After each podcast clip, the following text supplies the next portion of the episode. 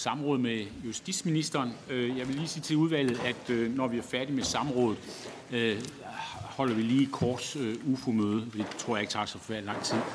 Men jeg forstår, det er Peter Skåb, der har indkaldt. Vil du begrunde, Peter? Værsgo, Peter Skåb, værsgo.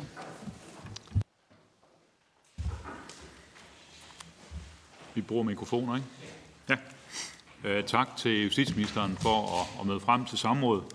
Øh, vi har i øh, Dansk Folkeparti jo fulgt øh, den sag, som øh, bliver meget diskuteret i øjeblikket rigsretssagen mod tidligere minister Inger Støjberg. Vi var meget modstandere af den sag, men nu er den der.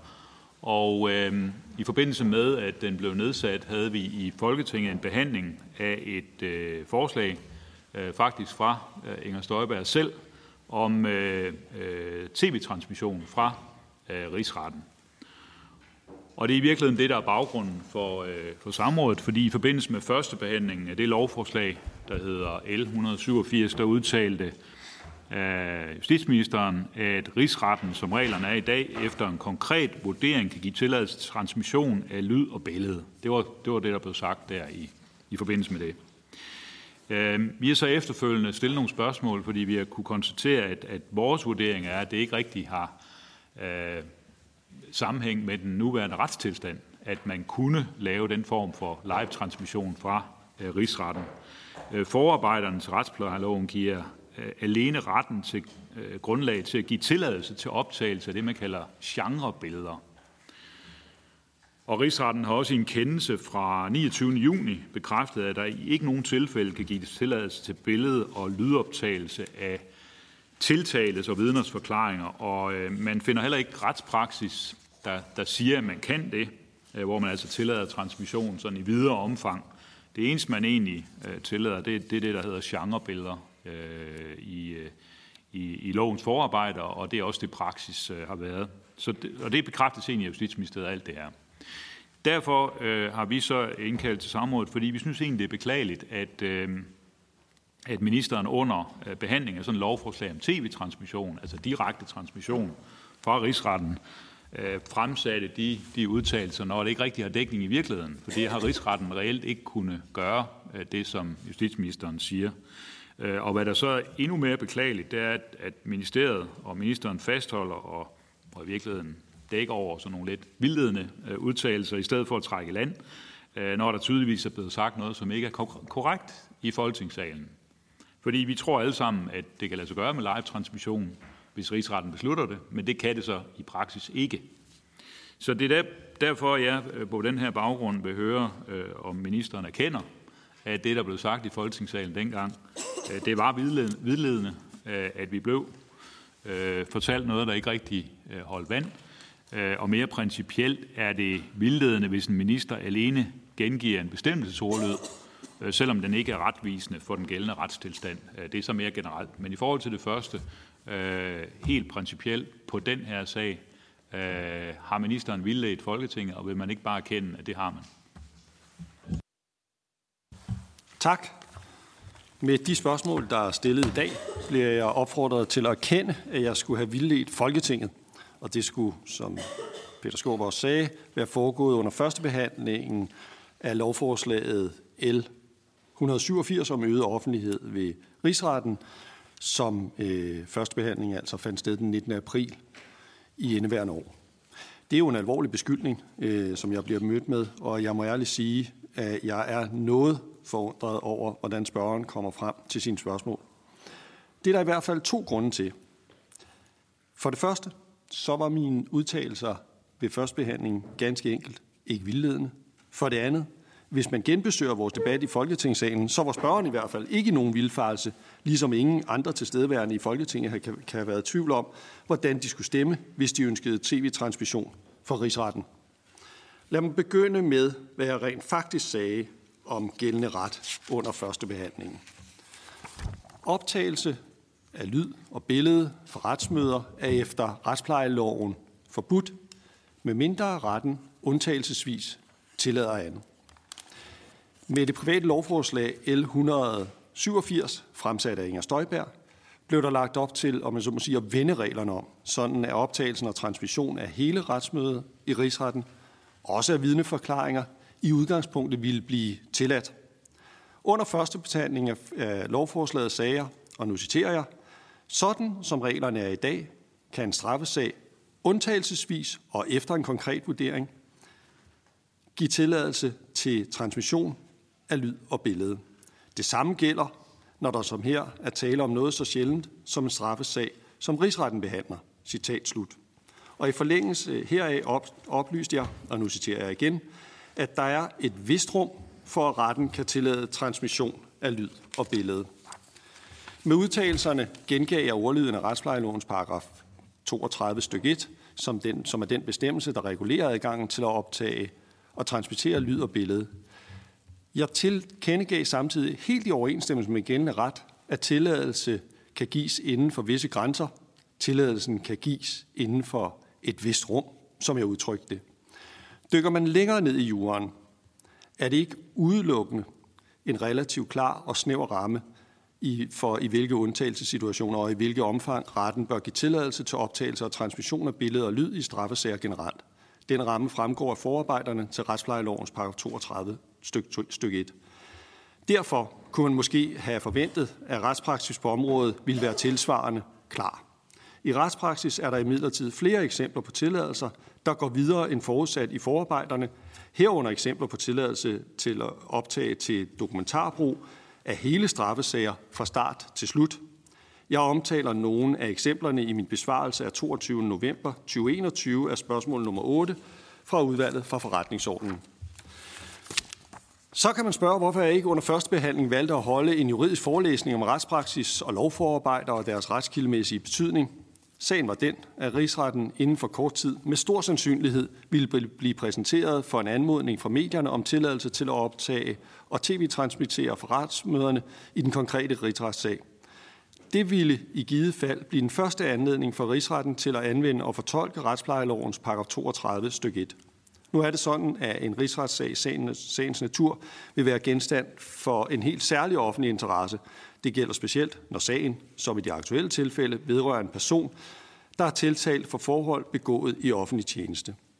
Justitsministeriet ville derfor, og henset til retspraksis, på det her tidspunkt ikke udelukke, at rigsretten ville kunne nå frem til en beslutning om at tillade optagelse og live-transmission for rigsretssagen af andet og mere end genrebilleder forud for retsmødernes begyndelse og af domsafsigelsen. Det kunne for eksempel ikke afvises, at rigsretten ville beslutte at give tilladelse til tv-transmission af hele eller dele af forsvaren og anklagernes afsluttende procedurer. Det ville være principielt forkert af mig som justitsminister at udtale mig på en måde, som kunne omfattes, som om jeg forsøgte at påvirke rigsrettens afgørelse om transmission eller ej. Havde jeg holdt den nævnte juridiske forestilling, ville jeg med andre ord ikke blot have overskrevet min taletid og formentlig kede Folketinget. Jeg kunne også have været blevet klandret for at gå den uafhængige rigsret for nær. Jeg forstår, at spørgeren, uanset alt dette, oplever mine udtalelser om gældende ret under første behandling som vildledende. Jeg tror faktisk ikke, at spørgeren selv var i tvivl, da vi første behandlede lovforslaget. Lad mig, og det gør jeg i al stilfærdighed, men spørgeren om en udtalelse, som spørgeren kom med under første behandling. En udtalelse, som faktisk ikke udtrykte nogen som helst form for vildfarelse i relation til retsgrundlaget. Spørgeren udtalte blandt andet i et svar til den konservative ordfører, og jeg citerer, at det der er fuldstændig rigtigt, at muligheden er til stede, men man kan jo nok også godt høre på det, der bliver sagt fra dommerforeningens side i denne her sag, at det er en mulighed, men det nok ikke er en mulighed, man har tænkt sig at benytte sig af. Citat slut. Jeg må bare sige, at spørgeren selv med al tydelighed har demonstreret, at spørgeren ikke har været bragt i nogen form for vildfarelse for en ledet af mine udtalelser under debatten. Jeg mener jo at heller ikke, at andre tilstedeværende i Folketingssalen kan have været i tvivl om, hvordan de skulle stemme, hvis de ønskede tv-transmission af rigsretssagen.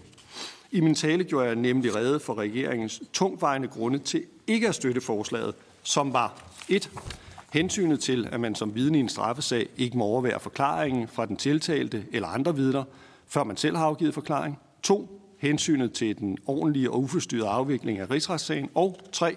Hensynet til de vidner, der skal afgive forklaring i rigsretten, og til sagens øvrige aktører. Havde jeg ment, at rigsretten efter et frit skøn og uden videre kunne lange en tilladelse til tv-transmission over bordet, ville det så ikke have været mere nærliggende for mig at slå på, at loven allerede gav dette som mulighed. Jeg synes igen, det viser, at præmissen for samrådsspørgsmålene slet ikke hænger sammen. Her til sidst vil jeg gerne have lov til at citere Dommerforeningens formand Michael Schønberg, som før første behandling af lovforslaget udtalte følgende til DR i et interview om lovforslaget, og jeg citerer, Rigsretten kan godt undtagelsesvis tillade en tv-transmission, men personligt synes jeg ikke, det er en god idé. Citat slut. Er det så spørgerens påstand, at Dommerforeningen var ude på at vildlede os alle sammen om gældende ret? Lad mig opsummere. Samrådsspørgsmålene bygger på en præmis om, at jeg skulle have udtalt mig vildledende under første behandling. Det er forkert. Jeg forstår selvfølgelig til fulde, at man kan være politisk enig, uenig i, hvordan man skal stemme i, til lovforslaget. Jeg er derimod helt uforstående over for, at man beskylder mig for at vildlede Folketinget, og jeg finder nærmest lidt komisk, at min møde skulle bestå i, at jeg fra Folketingets talerstol lojalt gengav ordlyden af en bestemmelse i en lov, som Folketinget selv har vedtaget. Tak for ordet. Forløbig tak til justitsministeren. Vi har ikke så mange samråd i øh, UFO, men de gange, vi har haft det, der har jeg kørt det på den måde, at der har været to spørgsmål og et svar fra ministeren, så det vil jeg også gøre den her gang. Den første, der bliver om ordet, er Peter Skåb. Værsgo. Tak for det. Minister, og tak til ministeren for øh, besvarelsen, selvom øh, den jo ikke helt opfylder det kriterie, jeg havde håbet på, at ministeren ville øh, underlægge sig. Men når man øh, hører besvarelsen, så er ministeren meget optaget af, hvad Dommerforeningens formand har sagt, og hvad jeg, hvad jeg har sagt som ordfører i salen, og måske hvad de konservative har sagt. Men det er egentlig ikke det, som samrådet handler om. Det samrådet handler om, det er, hvad ministeren har sagt. Og ministeren har jo en særstilling her, fordi ministeren er underlagt, underlagt det, der hedder ministeransvarlighedsloven. Det er så heldigt stillet, eller vi er så heldigt stillet som folketingsmedlemmer, og det tror jeg egentlig også Dommerforeningen er, hvis han udtaler sig i medierne, at øh, vi ikke underlagt nogen som helst krav i den retning, men det er ministeren. Så ministeren har her en særstilling, og det er derfor, vi kalder ham i samråd i dag. Og særstillingen består jo i, at øh, ministeren skal øh, tale sandt, og, og øh, han, skal, ja, han skal måske ikke rute med oplysningerne altid. Det har vi jo for vane af, at minister ikke gør nødvendigvis, men han skal i hvert fald øh, ikke vildlede Folketinget. Han skal give rigtige oplysninger. Og det er der, at jeg føler mig vildledt. Og, og øh, jeg tror, mange andre, der var i salen den dag, føler sig vildledt, fordi ministeren ligesom giver ligesom udtryk for, at man inden for retspraksis kan rumme live-transmission af rigsrettens gang. Og, og hvis man kigger i retspraksis, og ministeren har også sendt nogle, øh, øh noget besvarelse over, hvor man henviser til forskellige øh, retssager, ikke rigsretssager, men retssager, der må man bare sige, jamen, jamen det er jo rigtigt nok, at ministeren henviser til forskellige øh, retssager, hvor øh, Fritjof Film for eksempel har fået lov til at optage noget, anklageren har sagt, og bringe en dokumentarfilm et halvt år efter eller lang tid efter. Men det er jo ikke det, som der er tale om her. Det, som øh, nogen var ude efter, blandt andet medierne selvfølgelig, og også Inger Støjberg og vi andre, der synes, at der skulle være fuld lys på det, der foregik, det var jo live-transmission. Altså det var nøjagtigt, når det foregår, billeder af, hvad der bliver sagt inde i retten. Og hvis man kigger på retspraksis, så er der altså ikke nogen som helst eksempler på, at, øh, at man har tilladt det. Og det er jo det, ministeren giver udtryk for i Folketingssalen, at det er der mulighed for. Det er det, ministeren giver udtryk for i Folketingssalen, at det er der mulighed for. Og øh, hvis man ser på, hvad ministeren sagde, nu kan jeg lige gengive det, øh, hvor ministeren øh, under førstbehandling udtaler, rigsretten, som reglerne er i dag, efter en konkret vurdering kan give tilladelse til transmission af lyd og billede. Transmission af lyd og billede er jo ikke en dokumentarfilm, der kører et halvt år efter. Transmission af lyd og billede er jo nu og her. Altså det er direkte tv, ikke? Og det er der, jeg mener, Folketinget er blevet vildledt, og det kunne jeg godt tænke mig at høre ministerens vurdering af. Tak for det. Der er ikke andre, der har bedt om ordet. Så det blev en i stedet for, at du skulle svare på her. Værsgo. Ja, tak. Øh, og det er fuldstændig rigtigt, at jeg har sandhedspligt øh, i Folketingssalen. Jeg håber også, at man bare som folketingsmedlem, eller ikke som bare, det var helt forkert sagt, at man som folketingsmedlem også holder sig i nærheden af sandheden i salen, øh, selvom det ikke er noget krav.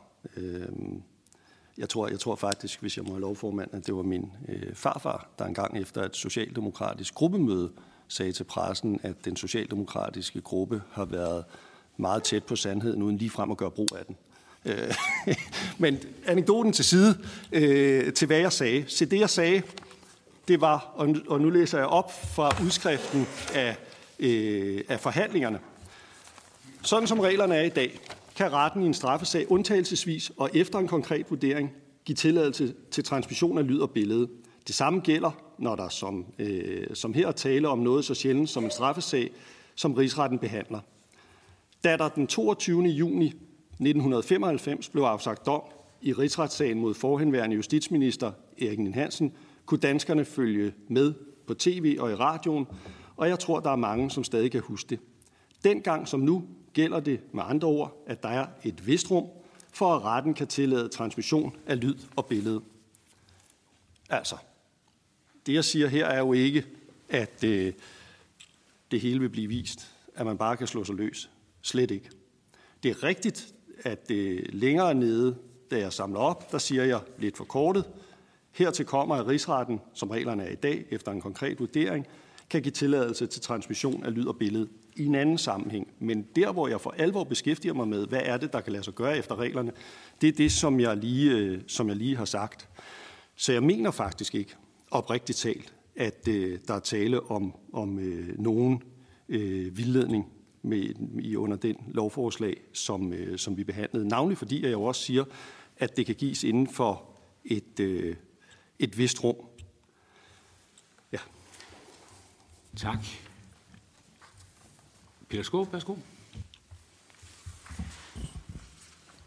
Jamen altså, altså jeg vil sige, hvis, hvis jeg var minister, så vil jeg bare sige, så vil jeg ikke lægge mig fladt ned og sige, ja, det, det, det kan bestemt godt ses af dem, der fulgte den her debat, sådan at jeg gav udtryk for, at rigsretten kunne øh, tillade live-transmission af det, der foregår i rigsretten.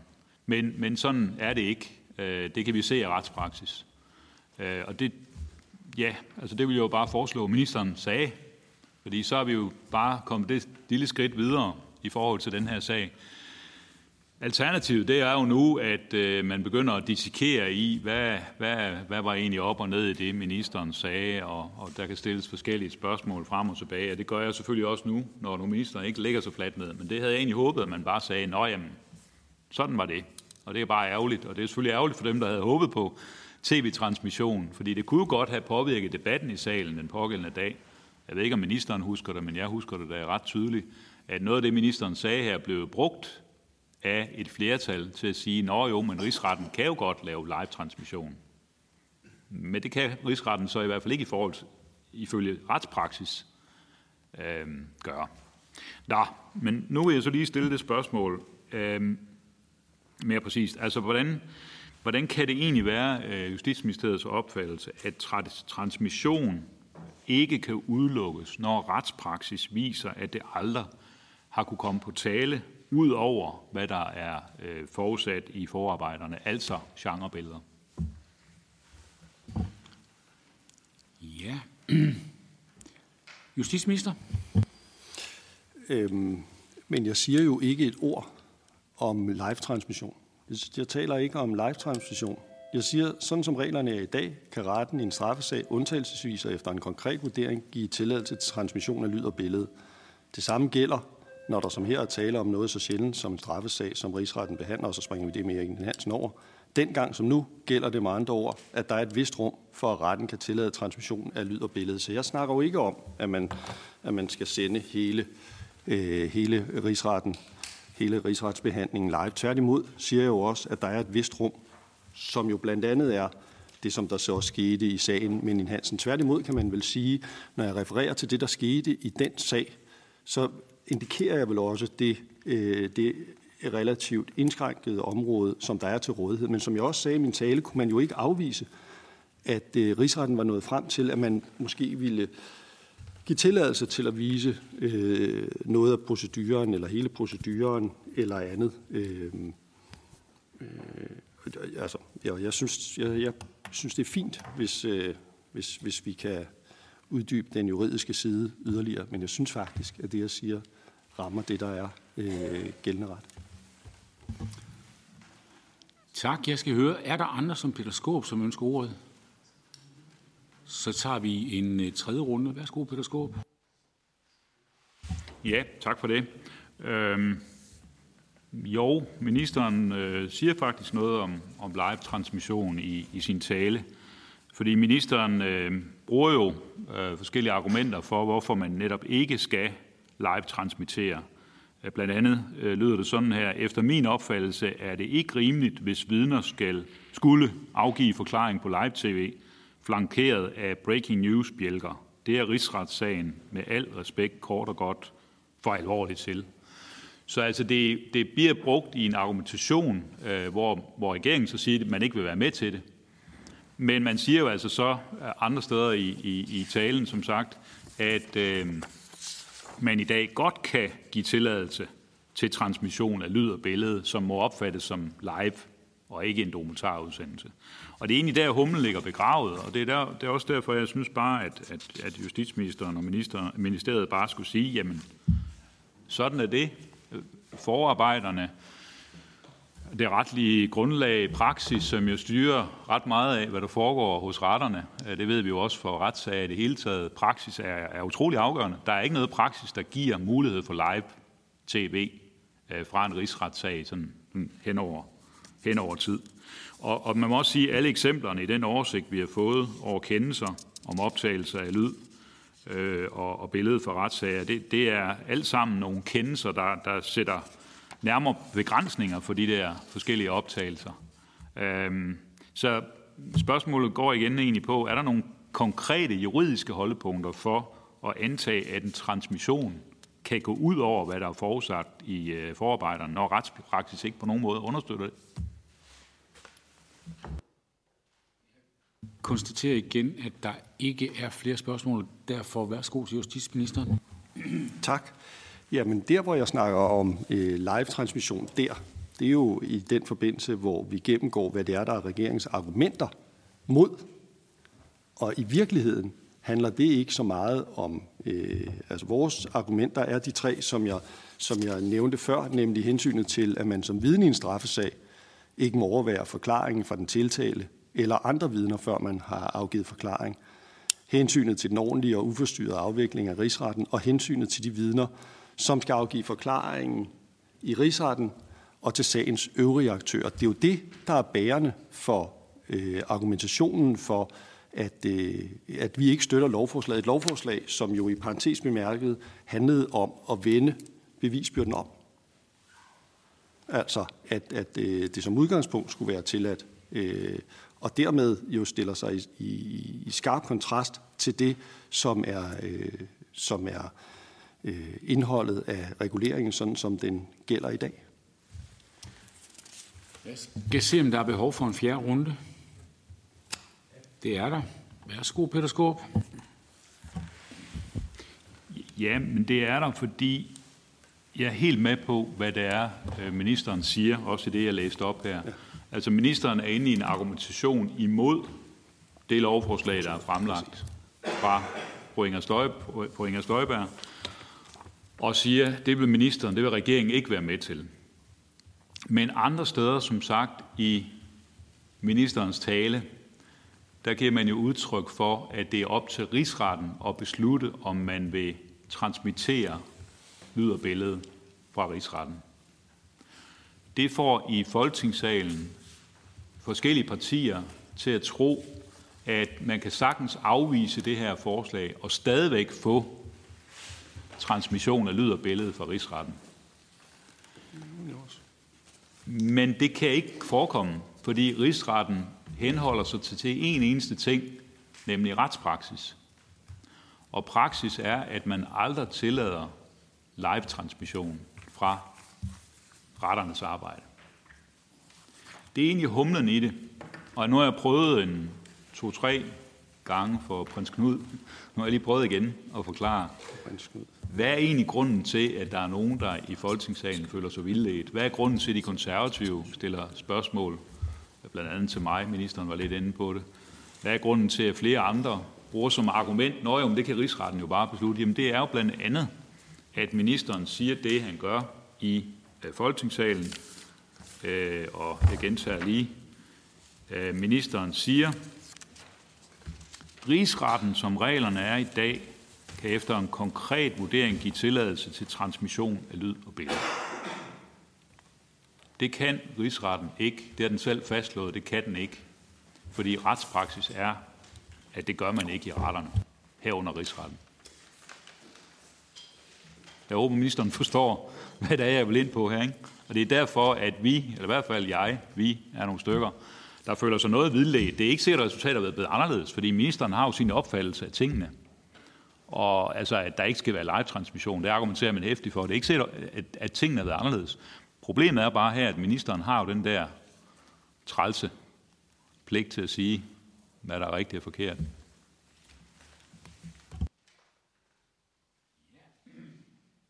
Værsgo til ministeren.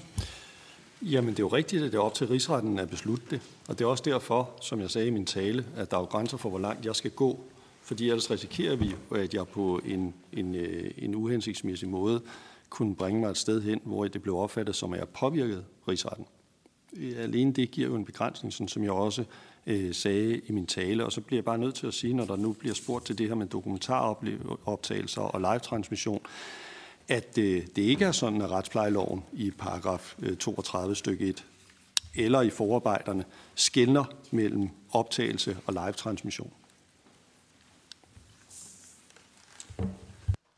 Ja, jeg ved ikke, om vi skal have en femte runde. Nogle gange kommer man jo ikke til en konklusion, øh, men Peter Skor vil gerne have en femte runde. Okay, sidste runde forstår jeg på Peter Skor. Værsgo. Men det, det er jo fuldstændig rigtigt, som ministeren siger, at det skældner man ikke imellem. Men øh, retspraksis er jo helt afgørende. Det kender vi også til, når der er uddelt straffe i retterne. Øh, domsmændene får at vide, jamen øh, vi plejer at gøre sådan, det er praksis. Øh, derfor er det sådan, vi gør. Øh, og så kan de hoppe og danse. Det, det lykkes ikke rigtigt at ændre ved det, fordi man følger praksis. Og praksis, som sagt, øh, er helt entydig her, at man tillader ikke live-transmission for retternes arbejde, øh, og heller ikke for rigsretten. Øh, så, så det er egentlig det, der, der er humlen i det her. Det er retspraksis, at, at det er sådan, det er. Og der giver ministeren det indtryk i Folketingssalen, at det kan man godt tillade. Argumentere imod, at man skal gøre det, men det kan man godt tillade, og det er op til rigsretten. Men rigsretten har ikke følt, og det kan vi også se på de afgørelser, der er, at det var op til dem. For de kunne ikke ifølge retspraksis. Men øh, vi, kan jo lige, vi må lige drøfte i, og måske stille nogle yderligere spørgsmål. Øh, jeg kan ikke øh, sådan bidrage med meget mere ud over og synes, at der, der er nogen i Folketingssalen, der, der sidder med lidt dårlig smag i munden efter den første behandling. Og det vil udvalg selvfølgelig kunne gøre efterfølgende. Nu beder jeg så justitsministeren om at afslutte samrådet. Værsgo. Ja, tak. Øhm, jeg tror, at øh, vi i hvert fald kan blive enige så langt, som at øh, hvis retspraksis er helt afgørende, så må der også være en anerkendelse fra øh, Vetter om, at retspraksis er gået videre end forarbejderne. Og så må man ligesom vælge, når man er spørger, er det så forarbejderne, der er det vigtigste, eller er det retspraksis, der er det vigtigste? Og retspraksis går videre, end forarbejderne gør.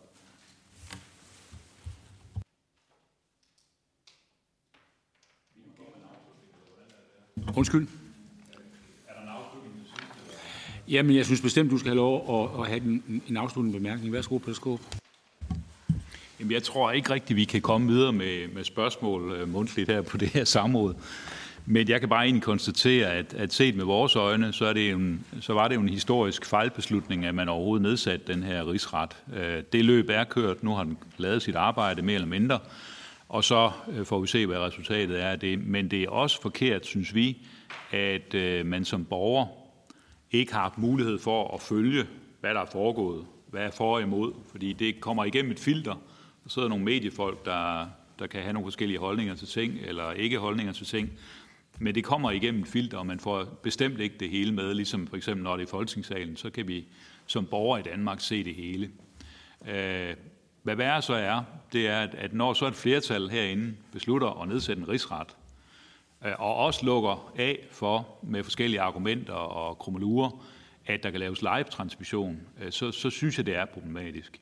Og det vi har prøvet at trænge til bunds i her på øh, samrådet, det er jo, øh, det er jo øh, øh, vil der være en mulighed for, at rigsretten kunne have tilladt det af egen drift, som der lægges op til i førstbehandlingen, og det, det er vores vurdering ud fra det, der er sket, at det har, ikke, det har reelt ikke været en mulighed med den praksis, der er. Men øh, vi vil øh, drøfte nærmere, hvordan øh, vi kan takle sagen og øh, sige tak for samrådet.